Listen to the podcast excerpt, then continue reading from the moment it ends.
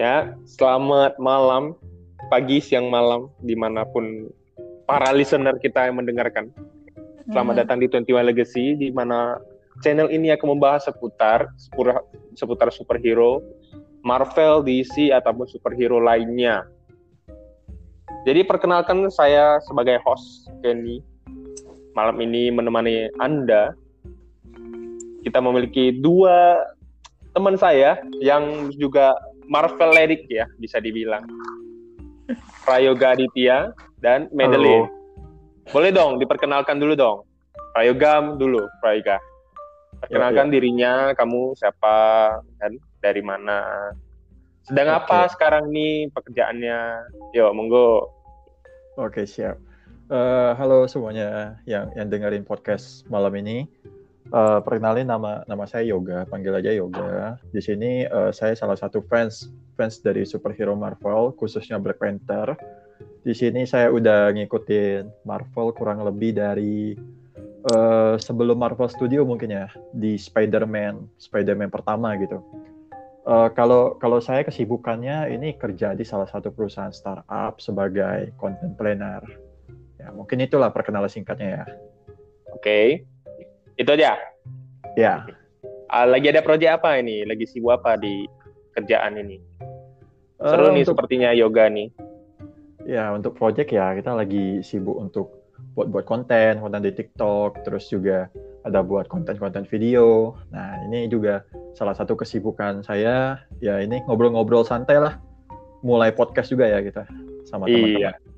Perdana kita hari ini ya, malam hari ini. Iya. Oke, thank you Yoga. Mungkin selanjutnya Madeline bisa diperkenalkan singkat kepada yang pendengar-pendengar sejati kita ini. Silakan. Gimana perkenalannya? Nama saya Madeline. Penggemar eh, Marvel. Mulai ngikutin Marvel itu mulai bener-bener ikutin itu semenjak Avengers yang pertama. Hmm, Oke. Avengers pertama ya, itu tahun berapa itu ya berarti ya? 2012 ya? Aku lupa tahunnya. Kayaknya. Hmm, 2012 ya? Oke, nggak apa-apa, nggak apa-apa. Oke, Sip. Terus lagi sibuk apa Madeline sekarang? Nggak gede sih, cuman ngurusin all-shop aja.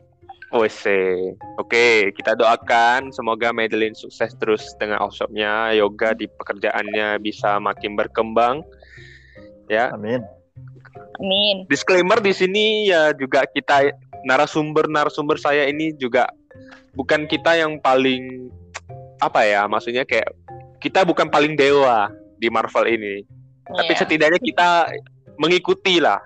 Jadi obrolan-obrolan santai malam hari ini bakalan kita mulai dengan ini kita mau bahas ini nih, multiverse-nya Marvel dari fase 4 sampai ke fasenya fase kelima.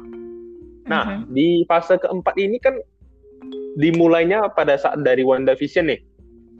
Boleh dong diceritain sedikit pendapat kalian ini gimana? Kalau dari Yoga atau Madeline dari WandaVision habis itu kan eh, lanjut terus nih ke Falcon Winter Do- and the Winter Soldier. Terus ada Hmm. Loki, Black Widow yang hari ini di saat podcast kita hari ini juga ada What if? launching nih, What If gitu loh. Wah ini kayaknya what if bocoran dari trailernya sih bagus gitu ya. Cuman hostnya ini Ah. juga belum nonton sih. Cuma salah satu narasumber kita ini sudah mau nontonnya. Jadi kalau disclaimer ya mungkin pada saat ini ditayangkan podcastnya mungkin sudah ada dari teman-teman ada yang melihatnya ya. Tapi Iya. nggak apa-apa kita tetap bahas dulu dari fase 4 di WandaVision. Gimana nih? Ada cerita-cerita seru apa di multiverse yang fase keempat di WandaVision ini? Silakan. Siapa? Madeline ya? Boleh, boleh. Pendapatnya nah, pendapatnya WandaVision tuh kayak mana sih? Apa pendapat WandaVision ya? Kalau WandaVision Iya. personally suka ya ceritanya juga oke terus yang yang em, apa bagian adegan si Wandanya lawan apa Agatha Harkness itu juga keren Mm-mm. tapi di situ kan multi eh itu multiverse atau reality ya masih itu Itu Masih. re- re- realitinya Wanda. Iya kan masih realitinya Wanda jadi mungkin sih kayak di Wandanya sendiri itu mereka masih belum belum tahu kalau di udah muncul kayak cabang baru di multiverse gitu kan Hmm. Eh, cuman mungkin kalau menurut saya nih ya, eh, kalau si Wanda Vision ini sebenarnya ini kan menceritakan eh, cuman relate di kehidupan Wanda aja toh. Iya nggak sih? Hmm. Nah, si Wanda Vision ini sebenarnya dia ada relate nggak ke multiverse yang eh, kayak yang ada di kayak Iron Man lah di fase-fase Oh, ketiga ya? sebelumnya itu ah mereka dia ada masuk ke cerita-cerita utama nggak? Maksudnya dari kehidupan dia ini ada sangkut pautnya nggak? Ah, Harusnya. Timeline yang real ibunya nggak nggak ada nggak ada sangkut paut deh. Harusnya ada. Oke. Soalnya- di, di episode episode terakhir ada ada nyambung sih kayaknya. Iya di episode terakhirnya kamu udah lihat yang end creditnya nggak? Hmm. Jujur si host belum nonton sampai habis. Maafkan saya. Agak berdosa sebenarnya hostnya ini ya. Podcast malam ini WandaVision tapi saya sendiri tidak menyelesaikannya.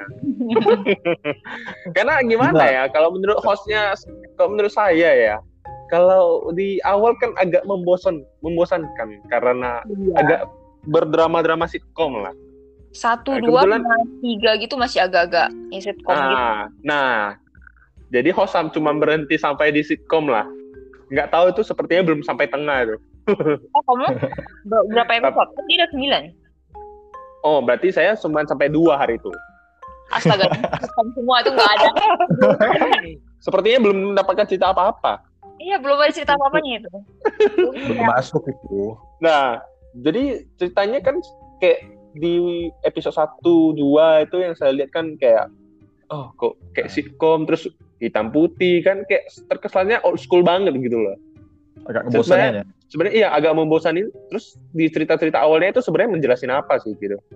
Nah, gini lah gini, gini lah ya. Hmm. Oke. Wanda Wanda Vision ini kan sebenarnya ngelan eh, fase eh, episode fil atau bisa dibilang film Marvel pertama di fase 4 dan 5 ini kan Iya. diawalin di Wanda Vision yang mana itu diakhirin sama yang yang hype banget tuh yang booming banget ya sampai ngalahin film Avatar tuh eh, Avenger Hmm. Endgame ya. Iya betul Endgame. betul. Mm. Nah, itu kan cerita setelah dari Avenger Endgame, lanjut ke WandaVision. Nah, ceritanya tuh kan eh, karena Visionnya itu mati, terus tubuh Vision tuh diambil oleh diambil oleh Sword. Sword itu eh, kayaknya pengganti Shield nggak sih? Ya nggak? Kalau dari kayaknya- komiknya memang ada dua. Kalau komiknya dia ada Sword sama Shield. Cuma sampai Ah. sekarang kan baru disebut ya kan Sword. Nah, nah, abis itu kan eh, mayat dari Vision itu diambil Sword, terus mau dibuat kayak robot robot pembunuh gitu. Nah, di ada ada di salah satu episode WandaVision itu flashback si Wanda ini datang ke Sword. Dia cuma cuma sebenarnya dia tuh tidak maling, tidak maling tubuh Vision, bangkai Vision itu, tapi dia cuma cuma lihat doang, cuma lihat. Cuma si Wanda ini di diadu domba sama sama si Sword ini sama si yang siapa itu pemimpin Sword itu. Nah, sebenarnya Wanda ini salah salah satu karakter yang tragis ya, cukup cukup tragis ya nggak sih di di era-era Marvel ini. Pertama dia kehilangan si adiknya itu, Quick Quicksilver. Dia kehilangan Quicksilver. Habis itu kedua dia kehilangan kekasihnya, si Vision. Nah, Mhm. akhirnya menyebabkan si Wanda ini kena mental, bisa dibilang. Mentalnya itu kena. Nah, per- setelah dia ngelihat mayat dari Vision itu, terus dia pergi ke salah satu film, eh, sorry, ke salah satu daerah yang ada di Westview. Nah, ceritanya tuh kalau nggak salah, si Wanda sama Vision tuh kayaknya pengen hidup di daerah sana deh, di, di Hmm. kota sana. Nah, habis itu dia pergi ke tanah yang mau dibangun rumahnya itu, dan akhirnya dia melepaskan energi energi energi kekuatan dia, energi kekuatan dia akhirnya terciptalah realitas Wanda. Nah, realitas Hmm. Wanda, realitas Wanda. Nah, itulah yang yang eh, yang yang kamu kamu nonton di episode pertama itu dia sitcom lah, kedua juga sitcom. Nah, habis itu mulai mulai mulai masuk ke era-era modern di sana. Nah, terus eh, si Wanda ini juga juga ada kan, eh, dia nyiptain anak-anak ilusi dia, si si Hmm. Billy, Billy dan siapa itu? Tommy. Nah, anak-anak ilusinya. Nah, ya. Nah, cuma cuma pertanyaannya ya, kenapa si Quicksilver itu bisa hidup lagi? Pertanyaannya. Quicksilver itu bisa hidup lagi, tapi Quicksilvernya bukan Quicksilver adiknya Wanda yang ada di timeline utama Marvel, tapi Quicksilver yang ada di timeline X-Men. Oh, aku tahu yang yang agak nggak tinggi nggak gitu tinggi orangnya. Ah iya. Hmm, oke ya, oke. ya agak Kok- kok bisa ya? itu. Nah, Itu cuma kalau- kalau di itu kalau pemilihan aktornya sih nggak nggak nggak pasti kenapa pi- dipilih yang itu kan bukan yang satu lagi cuman eh, si Quicksilver-nya itu hidup lagi itu kan karena si Agatha Harkness-nya itu yang jahat Iya, iya benar. Tapi kenapa dia harus pakai karakter X-Men itu? Ya nggak Iya, sih? kayaknya itu mau Hmm. hint hint multiverse gitu sih nanti jadi kayak gabung gitu kayaknya ya Nah, iya. Itu itu kemungkinan sih, kemungkinan.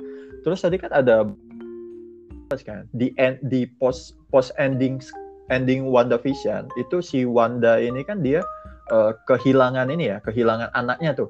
Karena kan itu cuma cuma ada di realita dia. Setelah realita itu hilang, eh, si si Wanda ini juga kehilangan anaknya sama kehilangan Vision, Vision yang ada di realita dia. Nah, di sana si Wanda ini ada ada baca buku. Ketika baca buku itu ada terdengar suara Billy dan Tommy. Nah, itu kayaknya kayaknya itu bakal eh, pertama apa ya kayak kayak selentingan multiverse loh gitu. Selentingan multiverse di WandaVision. Nah, tapi kalau dilanjutin ke Falcon and the Winter Soldier sebenarnya Falcon and the Winter Soldier ini eh, lebih ke film action ya, lebih ke santai banget sih filmnya. Hmm. Lebih ke nah, enjoy aja gitu nonton.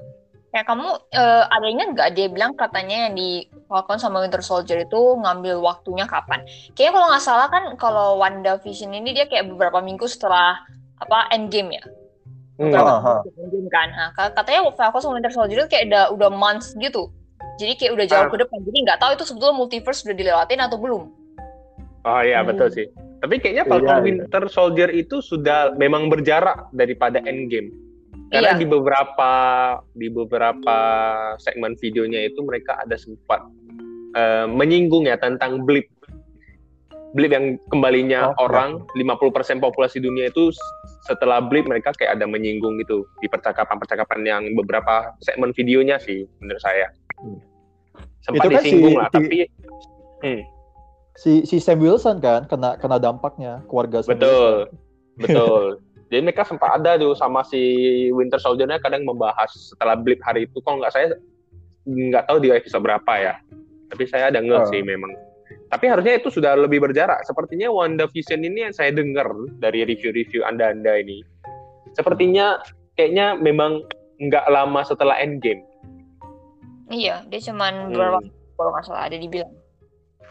Oke. Nah, terus yang pembahasan tadi nih, ada Shield sama siapa tadi? Sword. Ada dua Sword. pihak. Sword ya. Iya. Nah, si Sword ini sebenarnya siapa?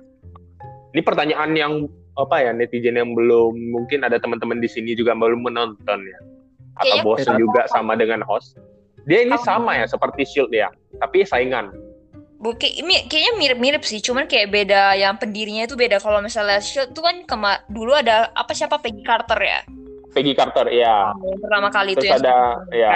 Terus sekarang kan Nick Fury masih kan. Ya, di Sword ini kayaknya itu di eh, pen- salah satu pendirinya itu itu yang teman ceweknya Carol, eh, Miss Marvel.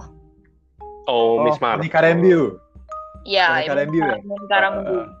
Hmm. Bukan, mamanya, Maria, mamanya Maria. pendirinya. Mamanya Mama dari. Monica Rambeau. Mamanya itu.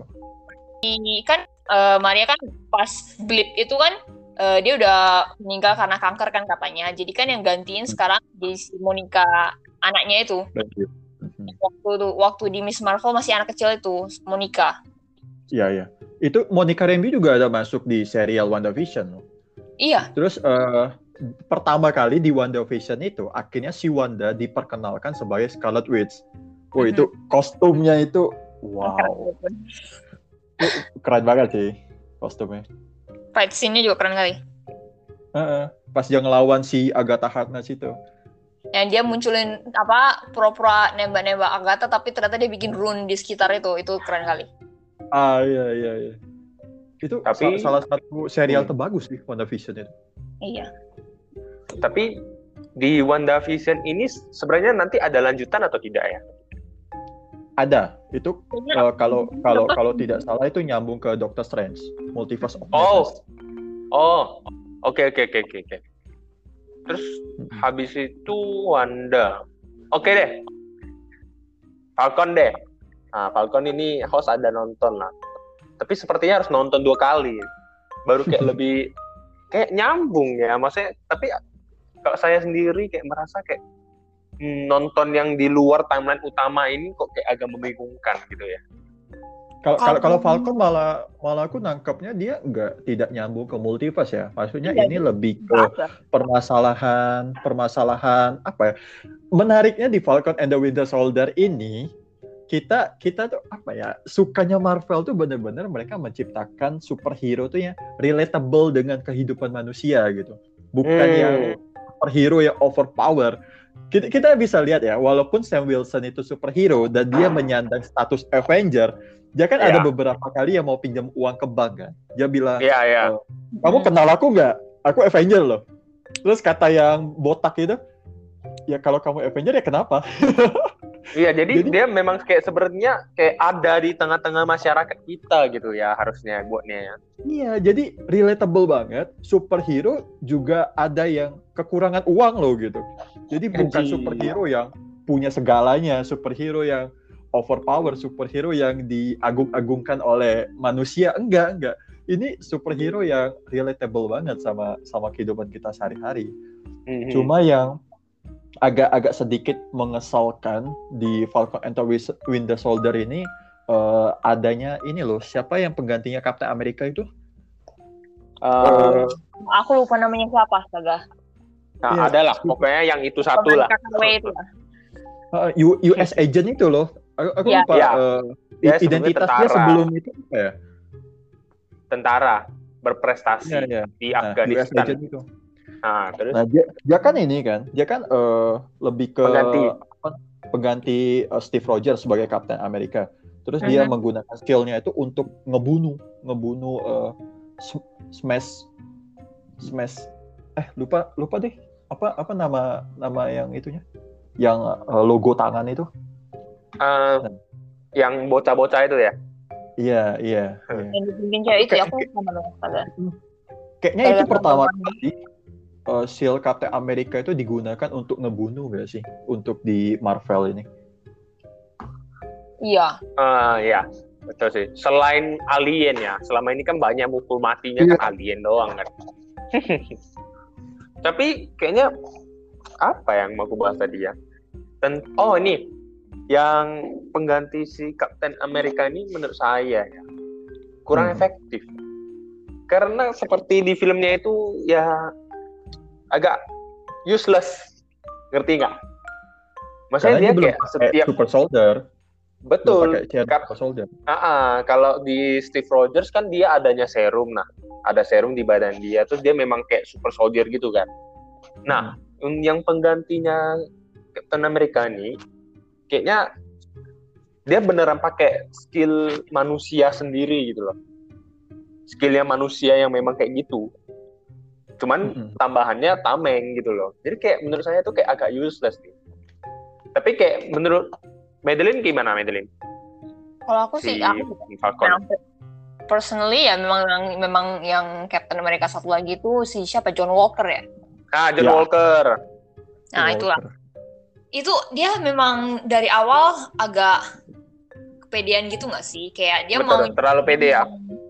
Dia mau self righteous gitu tapi dia nggak gimana ya? Kayak gampang kali loh kebawa emosi. Sedikit-sedikit emosi, marah langsung gitu ya. Langsung dicari Pas- orangnya. Ya pas yang mereka mau mau nyergap apa yang cewek itu kan yang jahatnya itu Ya. disuruh tunggu tapi dia nggak mau nunggu kan. Hmm. Jadi ujung-ujungnya jadi kayak temennya mati.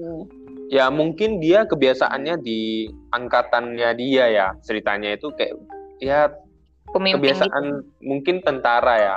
Jadi kalau ada apa-apa langsung diserbu gitu kan. Jadi mungkin dia juga kebiasaan. Terus di satu sa- di satu sisi ini sepertinya kalau dari John Walker ini dia memang full semua itu full ya kegunaan skillnya ya manusia, skill manusia biasa gitu loh.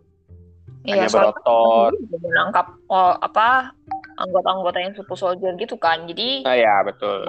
sendiri juga nggak pakai. Tapi ujung-ujungnya juga dipakai kan. Betul sih memang. Nah, terus kalau yang di Loki nih. Nah, yang Loki sebenarnya agak lumayan seru ceritanya. Karena dia bisa bolak-balik ke timeline. di bukan timeline utamanya MCU ya, tapi maksudnya timeline di uh, ceritanya Loki ini loh. Masih dia kok bisa bolak-balik di depan ke belakang, depan ke belakang. Maksudnya kayak bisa lah balik ke masa lalu gitu loh. Nah, terus di Loki ini pendapatnya dari Yoga dan Madeline tuh gimana? Si Loki di review sedikit coba. Oh, kalau kalau kalau dariku ya, uh, Loki hmm. ini kita kita uh, harus ngikutin benar-benar uh, episode-episode atau film-film Marvel yang sebelumnya. Misalnya kayak Loki ini, kamu harus kamu harus nonton uh, Marvel Endgame, Avenger End. Endgame. Nah, hmm. karena itu hmm. nyambung nyambungan dari dari sana. Nah, si Loki ini kan ceritanya kalau di Endgame itu dia dia dapat ter tersarak ya. Tesseract ya, Tesseractnya kan ceritanya si Tony Stark kan jatuh deh, dipukul Hulk. Iya, di, ditabrak oleh Hulk gitu kan. Terus dipakai dia untuk kabur. Ketika dia kabur, itu ditangkap oleh Morbius, salah satu hmm. agen dari dari TVA. Nah, yeah. TV, TVA ini adalah uh, kayak organisasi yang yang apa menjaga menjaga realitas timeline. waktu. Uh, uh, hmm. timeline timeline utama supaya jangan ada terciptanya realitas baru. Nah, cuma uniknya di sini uh, Loki itu dia kenapa TVA ini hanya menangkap varian-varian dari varian Loki doang. Jadi kayak kayak fokusnya itu ke varian Loki doang. Nah, hmm. tapi di episode pertama kita juga ada dikasih lihat kan, ada dari Morbius atau dari agent-agent TVA itu ada yang nangkep Skrull, ada juga yang tangkap vampire.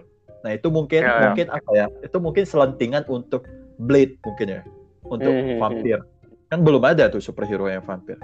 Belum nah, memang. Abis, abis itu uh, Loki ini sebenarnya adalah pengenalan bener-bener pengenalan multiverse. Nah ini kan dari awal tuh WandaVision udah selenting-selentingan tuh multiverse. Habis itu The Falcon and the Winter Soldier itu dia uh, tidak terlalu menyelenting ke multiverse. Dia lebih ke serum soldier aja, lebih hmm. ke serum superhero aja kan. Terus juga hmm. dia lebih ke konfliknya Sam Wilson tentang kesulitan keuangan. Habis habis itu juga uh, pengenalan bahwa di di fase di kesenjangan antara Steve Roger itu membeku di es ternyata hmm. ada juga Kapten Amerika Kapten Amerika baru termasuk uh, oh. Kapten yang kulit hitam itu hmm. nah okay. itu pengenalan pengenalan singkat terus juga di film Black Widow itu juga ada di dikasih pengenalan Kapten Amerika versi Rusia Red Red Guardian nah itu yeah. udah uh, uh, udah udah ada dua tuh pengenalan Kapten Amerika. Jadi selama 70 tahun uh, Steve Rogers uh, beku di es, ternyata pemerintah tuh sudah melakukan beberapa eks eksperimen terhadap terhadap uh, ini Kapten Amerika Kapten Amerika baru. Terus juga kita bisa dilihat bahwa diskriminasi terhadap orang kulit hitam yang menjadi Kapten Amerika itu itu sangat sangat terasa banget tuh di ceritanya Sam Wilson, terus di ceritanya uh, yang yang ini juga saya, saya lupa namanya itu yang ada di film The uh, Winter Winter Soldier itu. Hmm. Nah, hmm. habis itu baru multiverse ini benar-benar diperkenalin di filmnya Loki. Filmnya Loki. Nah, kenapa dia bisa bolak-balik bolak-balik gitu? Nah, itu karena uh, sebenarnya sudah ada yang namanya multiverse itu hmm. sudah sudah ada yang namanya multiverse atau penjelajah waktu lah penjelajah waktu yeah. kita bisa bilang nah tapi di tapi kenapa sampai sekarang tuh belum ada multiverse karena selama ini timeline utama itu dijaga oleh TVA supaya tidak terjadi uh, timeline timeline bercabang makanya hmm. itu belum terlalu ada multiverse nah di episode terakhir Loki kan itu udah di udah di iniin, udah di wanti-wanti sama He Who Remains ya atau varian dari Kang, Kang the Conqueror. Mm-hmm. Nah, itu kan udah diwanti-wanti. Katanya kalau kamu ngebunuh saya itu akan menyebabkan timeline yang bercabang. Nah, si si Loki ini dia dia tetap tidak percaya kan. Maksudnya kayak, hmm. "Oh, ini cuma ngancem doang." Ternyata ketika Remains itu dibunuh, beneran timeline dari uh, timeline timeline dari ini terciptalah multiverse yang bercabang banget. Itu cabangnya banyak banget. Itu si Loki percaya hmm. nggak sih? Apa? Si Loki percaya nggak sih? Yang nggak percaya itu si Sylvie. Okay. Sylvie ya? ya? Iya kan Sylvie yang bunuh. Oh, yang tiga orang katanya pemimpin TVA itu ya? Enggak, enggak. Eh, si Enggak, Sylvie, enggak. Sylvie itu versi ceweknya Loki. Iya, tapi yang pada saat pembunuh pembunuhan yang katanya Hmm. eh, pemimpinnya TVA kan ada tiga orang itu yang waktu Bukan, yang itu yang itu palsu. Itu Ah, robot, dan itu android. palsu dan Itu Android. mungkin kan oke ya betul. Terus eh, saya kan belum nonton nih, memang sampai terakhirnya kayak ya ada beberapa episode memang nggak nonton. Nontonnya Hmm. cuma sampai Loki dan kawan-kawan Loki yang versi buaya dan lainnya itu. Mm-mm. Terus ceritanya si TVA ini sebenarnya punya siapa gitu loh? Apa memang timelinenya dibuat sendiri atau dibuat-buat? Gimana gitu? Madeline nih. Madeline Hmm. jelasin, Matt. Eh apa TVA itu dibuat sama apa Siapa He gitu loh? Hmm. He Who Remains atau nama lainnya siapa Kang ya Kang de Kang de Kong masalah Mm-mm. kan Terus? mereka setelah ketemunya Loki Loki itu di di apa end of the world-nya itu kan ada kayak badai yang berbentuk apa monster gitu kan Oke. Dan ujung-ujungnya nanti si Sylvie sama Loki itu mereka mau pakai power mereka itu buat hipnotis Stormnya. Jadi mereka dikasih masuk ke bener-bener ending dari eh, timeline gitu. Oke. Terus pas mereka masuk dari ending timeline itu adalah tempatnya si Kang Conqueror ini. Ya Oke. pas itu lanjut itu yang seperti si Yoga bilang itu kalau dia dibunuh ya timelinenya bakalan rusak atau enggak kalian dikasih pilihan kalian mau bunuh aku baru timelinenya rusak atau kalian ngegantiin aku dia bilang kayak gitu Oke.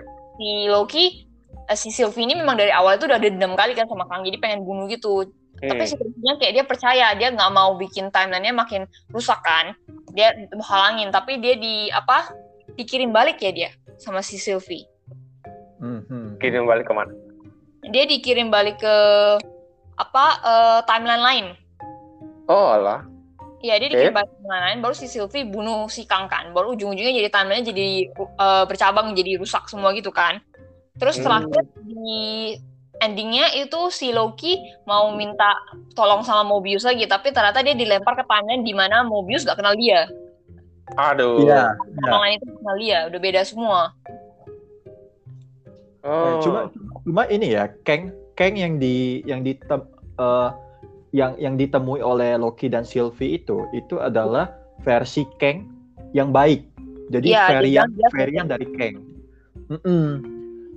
Cuma cuma aku rasa set- eh, pas Loki Loki balik ke timeline yang dia ketemu Morbius dan Morbius malah tidak kenal sama dia, Mm-mm. si menurutku ya itu malah itu timelinenya udah udah ter udah udah tercabang loh. Jadi kayak dia dia tuh balik eh, dia tuh masuk ke dalam timeline yang berbeda yang- berbeda iya yang yang Kang ini terlalu narsis gitu. Yang dia pak eh, patungnya tuh pakai muka dia gitu. Heeh. Aku aku rasa malah malah dia masuk ke timeline yang itunya sih. kayaknya dia masuk ke timeline di mana ada varian Kang yang jahat gitu atau narsis Hmm. mungkin ya Iya. Karena kan awalnya kita dikenalin kalau patungnya tuh yang tiga tiga orang itu kan. Iya. Tiga orang itu. Kalau yang ini patungnya tuh beneran muka keng. iya Oh. Oke. Itu narsis banget sih. Oke. Oke, oke. Relate, relate. Aku ngerti dah. Oke, terus dari lo dari Wanda, Falcon and Winter Soldier, uh, terus ada Loki, terus sama yang di Black Widow ini, Black Widow ini sebenarnya ada relate nggak ke atas? Kalau Black Widow multiverse dia nggak ada relate, tapi dia di ending credit scene-nya ada Hmm. Valentina. Oh, itu. Oh. Valentina itu itu loh yang ngumpulin Avengers. Ini ya ada teori orang bilang katanya si Valentina ini kayak ngumpulin Avengers versi lain gitu loh. Jadi kayak kan dia kan di Falcon sama Winter. Soldier. Nah, Falcon sama Winter Soldier kan di ujung-ujungnya ubah si Captain America palsu jadi US agent ya namanya. Iya, iya. Nah, dia kan ya kan dia udah kumpulin satu Captain America kan. Baru di endingnya Black Widow dia nggak dia bikin Yelena jadi terpancing gitu loh diadu domba. Jadi dia kayaknya nanti Yelena jadi Black Widow yang jahat gitu. Gantiin si Hmm. Natasha. Jadi kayak mereka dia tuh kayaknya mulai ngumpulin Avengers yang yang KW lah, yang palsu gitu. Hmm. Ini Thunderbolt namanya. Iya, terus katanya nanti di Hawkeye se- film serinya yang ganti-ganti sama cewek itu eh, Hmm. ada Yelena. Oh iya sih, iya sih. Kayaknya kayak Yelena jadi jadi villainnya nggak sih? Iya, kayaknya jadi villainnya soalnya kan dia diadu domba kan. Dibilang katanya yang bunuh Natasha itu si Clint. Clint Jadi kayaknya Barton. Hawkeye yang baru itu malah lawan si Yelena. Iya iya. Oke. Oke. Berarti Tapi ya, si di- Black Widow eh, cuma di terakhir aja baru ada di release kan ya. Iya, di bagian terakhirnya ada si lanjut si Yelena itu. Oke. Ada tambahan nggak dari Yoga kalau yang di Black Widow? Black Widow, Black Widow tuh apa ya? Dia, dia tuh timelinenya itu di di setelah dari Captain America Civil War. Seharusnya Captain America Civil War. Cuma untuk untuk film Black Widow ini uh, to be honest sih kayak kayak nonton Mission Impossible ya. Kayak ya Mission Impossible tapi versi versi Marvel gitu. Karena di di di apa di dalam film Black Widow ini kayak pengenalan setiap karakternya tuh kurang kurang kuat loh kayak misalnya Tax Taxmaster lah. Kayak villain utama dari dari Natasha Romanoff itu kayak kayak apa ya? Kayak kayak kurang kurang kurang jadi villain. Kayak cuma diperkenali ya sekilas doang. Terus juga dari Yelena juga diperkenalinya kayak sekilas doang. Terus juga kematian dari Natasha Romanoff juga kayak kurang kurang ini loh. Kalau kayak Iron Man kan itu bener-bener kayak emosional banget. Tapi kalau Hmm. Black Widow ini kayak ya ya ya ya udah gitu. Ya udah Kayak villainnya ya sekilas villain lewat gitu aja gitu ya. iya terus juga dia berantem sama Taskmaster juga. Taskmaster nih karakternya di film Black Widow tuh kayak robot doang sih. Kayak kalau kayak malah jadi cameo untuk di film itu. Bukan bener-bener villain yang ini banget yang kayak Thanos ataupun Loki lah minimal. Loki kan pernah jadi villain dulu. Terus juga dia ngalahin ngalahin eh, Taskmaster tuh juga ya kurang epic sih menurutku. Kayak ini ini film kayak seadanya aja gitu. Kayak kayak Sebenarnya kurang. Black Widow itu yang kalau mau dibilang sih memang iya sih kayak bagian pikirnya kayak fight scene terakhir mereka bakalan sama Taskmaster kan. Tapi ujung-ujungnya mereka cuma jatuh dari langit terus Taskmasternya kayak disembuhin gitu kan dari apa iya. ilu apa kontrolnya itu. Jadi kayak kurang kurang memuaskan mungkin kayak fight scene utamanya kurang memuaskan lah ya, kurang kurang dapat feelingnya gitu. Sebenarnya sih kayak tapi ini kan namanya juga apa film solo yang pertama kan, tapi ya Iya. nggak bisa dilanjut lagi sih soalnya orangnya juga udah nggak ada kan.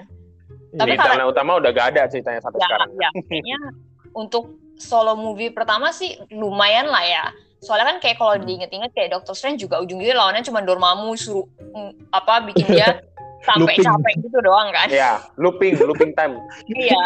Sampai parah males sih memang. kamu Ya, cuma kan bedanya mungkin karena Doctor Strange ada fight scene yang dia bikin kamu pusing gitu kan layarnya yang dibolak-balik di kota itu kan. Jadi Dimensi, lumayan- permainan dimensinya itu wah parah sih.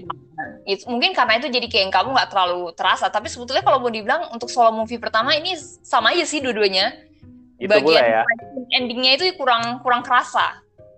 Iya. kalau Iya, kalau iya. aku ya kalau aku secara pribadi kenapa nggak Marvel itu malah lebih lebih tekankan ketika si Natasha Romanoff sama Clint Barton ini di di ini loh ketika dia misi ketika dia misi di mana ya Di- ditemuin gitu loh. Ah, iya itu kan kayaknya Karena- lebih lebih emosional ya kalau di sana ya, Betul. Dibanding- kalian ingat nggak di Avengers yang pertama kalau nggak salah si Bill Clinton itu atau ngelawan alien itu kan. Dia di sela-sela melawan alien dengan panah dia. Dia ada satu cerita dia dengan Natasha Romanoff-nya itu ada cerita tentang kilas balik pertempuran mereka bersama gitu loh. Iya di Budapest. Ah di Budapest. Ah, Budapest. Tapi kenapa nggak nggak mau dimunculin di, di Black Widow ini gitu loh? itu itu Budapest itu selalu di diselentingin gitu di Iya. Avenger Endgame juga ketika di pesawat yang space yang di space itu kan eh Natasha- Oh iya, betul, betul. Romanoff nama itu mau ke Vormir kan? Itu ada Percakapannya, ya. juga heeh. kita kita jauh dari Budapest lah atau lah apalah Budapest. Di Black Widow juga ada kayak Budapest Budapest. Tapi kenapa Nah, Budapest ini tidak tidak disorot detail gitu? Kenapa enggak kenapa enggak malah ditekankan di Budapest ya kenapa malah tekankan ke cerita Black Widow yang malah kurang greget? Menurutku kurang greget ya. Sebenarnya kalau misalnya yang Budapest itu dia di Black Widow cuma ada disinggung juga sih yang pas mereka di apa atas apa itu Iya. namanya plafon tapi Pokoknya dikit kan bagian. Iya, bagian dikit doang. Tapi mungkin sih yang Budapest mungkin mau disinggung di Hawkeye serinya mungkin kali ya. Karena kan di situ ada si Clint juga kan. bisa jadi bisa jadi sih jadi. Hmm, Soalnya kan yang Black Widow ini mereka lebih fokus sama keluarganya si Natasha-nya sendiri kan. Dia jadi Hmm. kayak dia ada dia sekarang punya kayak dua family gitu kan. Dia yang yang sama Hmm. Five sama Avengers gitu kan. Ya. Ya. Tapi tapi bangsat banget gak sih si Red Red Guardian itu? Aku aku Iya, iya. kenapa ya? Aku agak agak kesal sih dengan karakter itu. Karena aku kira vibe-nya itu kan karena gini ya, kita bandingin antara Steve Rogers gitu kan, Captain America, Super Soldier gitu kan. Terus dibandingin sama Red Guardian, itu kayak apa ya kayak dia, dia tidak bertanggung jawab, dia ngejual Natasha Romanoff sama Yelena ke Red Room. Terus dia dia juga masuk penjara terus aur-auran, terus juga badannya gendut untuk sebagai superhero. terus eh, pokoknya kayak kayak loser banget lah itu karakternya tuh dibuat Marvel tuh kayak loser banget tapi dengan adanya dia film Black Widow tuh komedinya menurutku dapat ya. dengan adanya Red Guardian tuh lucu-lucu sih komedi komedi dari Iya, dia sebagai comic relief dong sih di situ. iya Oke. Hmm. Parah parah. Eh, by the way nih, what if nih? Nah, ini salah satu narasumber nih udah ya udah ambil start duluan nih. Bahkan hostnya sampai malamnya aja masih belum nonton loh. Madeline juga belum nonton ya? Enggak, aku belum nonton. Oke. Atau mungkin lah, boleh lah, sedikit-sedikit lah, tipis-tipis lah yoga. Boleh dong diceritain. kita kita bukan bahas spoilernya ya kita kita Iya, kenalin iya. aja ke Oh, pendengar-pendengar ini Umumnya, in ini- generalnya aja lah. Ah, ah, kan banyak yang nanya nih kan, what if nih Ah. apa sih? Kenapa versi kartun? Nah, what if itu tuh eh, serial animasi yang ada di Disney Plus juga, salah satu episode dari Marvel. Dia tuh eh, cerita tentang bagaimana kalau misalnya nih kayak kayak yang kita lihat di trailernya gitu kan. Eh, Steve Rogers itu tidak jadi Captain Amerika, yang jadi Captain Amerika malah Peggy Carter gitu kan. Bagaimana kalau bagaimana kalau gitu kan. Terus juga ada si eh, Candid Boseman atau Chala. Chala itu jadi jadi ini, jadi Star Lord gitu. Gimana kalau T'Challa itu malah diculik alien terus jadi Star Lord. Nah, sebenarnya ini lebih ke menurutku ya sebelum film ini tayang, ini kayak serial santai-santainya Marvel aja, apalagi ini kan versi komiknya gitu kan. Oh, kira film santai. Ternyata enggak loh. Malah malah setelah aku nonton episode 1, kurasa ini relate dari film Loki yang sebelumnya. Jadi kan film Loki yang terakhir itu tercipta multiverse bercabang. Nah, di film What If ini ini nyambung. Nah, untuk isinya aku tidak mau ceritain dulu ya karena kalian kan belum nonton. Iya, Cuma- iya. Cuma What If ini nyambung loh. Maksudnya tuh tercipta multiverse di dalam What If yang episode pertama yang aku tonton. Kurasa film What If ini bukan film santai-santai, tapi dia nyambung di timeline utama Marvel. Nah, cuma untuk perkembangan ke depannya kita belum tahu nih. Nah, gimana? Karena juga masih episode 1 ya hari ini. Iya. Iya. Cuma ini nyambung Iya. loh. Tapi kita ya memang harus lihat perkembangan ke depannya ya. Sebenarnya apa sih yang mau diceritakan, apa yang mau disampaikan dari serialnya What If yang baru tayang hari ini. 11 Agustus loh. Medal Remember ya kita semua. Medal, medal Harus gimana? remember. Hmm? What. Gimana pen- pen- pendapatmu dari What If ini? Sebenarnya karena belum nonton sama sekali jadi kayak kurang bisa memberikan pendapat ya. Tapi ya kayak ya mungkin iya memang what if itu dimunculin untuk kasih tau orang kalau eh, banyak kali multiverse yang bisa muncul gitu kan. Kayak Mm-mm. pengandaian gitu loh ceritanya. Oke. Oke.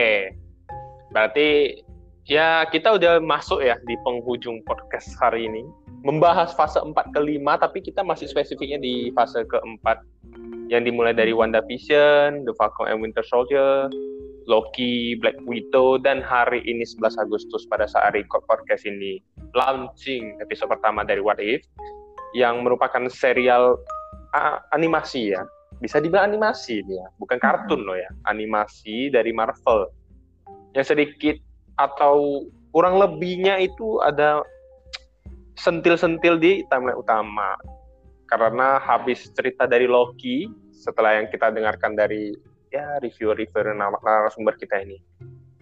Tapi ini sedikit ya ya, ke depannya nih. Shang-Chi and the Legend of Ten Rings. Eternals, wah ini kan akhir tahun kita ini berwarna sih memang. berwarna banget. Ini oh, gua nih paling gak sabar nih di Eternals. Karena yang menurut gua yang paling GG-nya di Eternals itu ya lagu di trailernya. The best sih, memang the best lagu di trailernya. Tapi kalian udah nonton nggak yang trailer Eternals? Ada, Uh, ada. kayaknya aku Ada, udah tapi- nonton trailer, tapi aku nggak tahu aku nonton udah nonton semua trailer apa belum. Cuma ada satu Oh. kan? Ya baru satu Satu sih setahunya ya. Heeh. Ini Sangchi ini juga. Maksudnya Sangchi ini ya agak mendadak keluar. Terus aktornya Cina. Ada isu. Ada isu yang saya dengar nih. Ada isu Sangchi and the Legend of Ten Rings ini mau ya Marvel agak sedikit menyasar-menyasar pasar-pasar Asia mungkin ya. Dengan menghadirkan aktor-aktor Asia mungkin. Gimana nih? Eh, sedikit lah, sedikit pendapat nih dari Yoga, Madeline untuk Sangchi dan Eternals. Kalau kalau dariku ya sebenarnya eh, Marvel ini dia nggak nggak cuma nyasar ke eh, market Asia aja. Kalau aku lihat Marvel ini kayak pertama relatable sama kita manusia, makanya kita Betul. lebih gampang nerima superhero superhero yang ada di Marvel. Yang kedua, Marvel ini di fase-fase 4 dan 5 ini mereka ngangkat isu-isu sosial kayak misalnya pokoknya eh, sekarang tuh Marvel lebih ke universal banget. Marvel tuh lebih kayak semua semua kalangan itu dia pengen pengen gabungkan jadi jadi satu kesatuan gitu. Bagus sih untuk ke depannya Marvel nih menarik banget. Mm-mm. Kalau dari Madeline Oke, gimana? oke. Pendapat aku tentang apa sanksi ya? Sangchi terserah, Sangchi, Eternals, fase 4 ini gimana gitu. Sebetulnya yang kayak kalau yang pas sempat ini oke lah karena kamu masih kenal sebagian dari superhero-nya kan. Kalau yang, kayak si Sangchi, Eternal itu kan semua baru kan total kan. betul, betul. New banget ya. Kayak masih mungkin ada antisipasi tapi ya ya karena kamu belum kenal jadi kayak eh, masih belum tahu lah apa yang diharapkan gitu. Betul sih. Tapi sebetulnya Ya. juga lah. Mm, tapi ya kita sabar aja lah ya. Masih fase 4 ini masih banyak. Spider-Man, Hawkeye, Miss Marvel, Doctor Strange, Multi Multiverse of Madness, Thor, Black Panther, Mar- The Marvels ya, aka Captain Marvel 2 katanya, Moon Knight, She-Hulk, Mak Hulk cewek nih kayaknya. Ant-Man Iya. The West, Guardian Galaxy 3, ada Blade. Ya itu sih untuk fase 4. Fase 5 masih banyak lagi. Tapi ya tetap saja kita tungguin saja di fase keempat ini berharap sabar karena kita masih di awal-awal fase 4 baru masuk tahun ini. Yang Mhm. akan sampai 2024 loh. Ini masih listnya masih terlalu banyak. Ya. Terpaksa sabar lah ya. Mau ke mana lagi ya kita ya. Ambil waktu buat keep up. Memakan agak memakan waktu sampai 2024 ini masih panjang banget. Tapi nggak apa-apa. Kita tunggu sama-sama untuk teman-teman yang lainnya. Mungkin bisa bersabar. Ya, mungkin sekian dari sedikit review. Sebenarnya kita ini mau tadi mah mau review cuman what if doang. Cuma sepertinya nggak sah kalau kita cuma review tiba-tiba podcast pertama Iya. udah what if. Udahlah kita podcast di fase 4 ya enggak? Ya, Mungkin next kita bisa bisa breakdown uh, episode 1 what if mungkin atau bisa Ah, langsung episode Betul. 2 gitu ya. Ah, ah, betul. Untuk mungkin itu untuk next podcast lah ya. Iya. Ya, semoga para pendengar-pendengar bacotan-bacotan Marvel kita ini bisa bahagia lah. Setidaknya memberikan sedikit informasi bagi yang males atau belum menonton. Semoga berguna informasinya untuk kita semua. Jadi mungkin itu saja untuk podcast hari ini. Sekian, terima kasih dari saya host Kenny dan narasumber yang terhormat kita ini berdua, Prayoga Aditya dan Madeline. Sampai jumpa, terima kasih untuk para yang pendengar. Kita jumpa lagi di episode berikutnya. Thank you ya. Bye. Thank you, thank you. Thank you. Yo.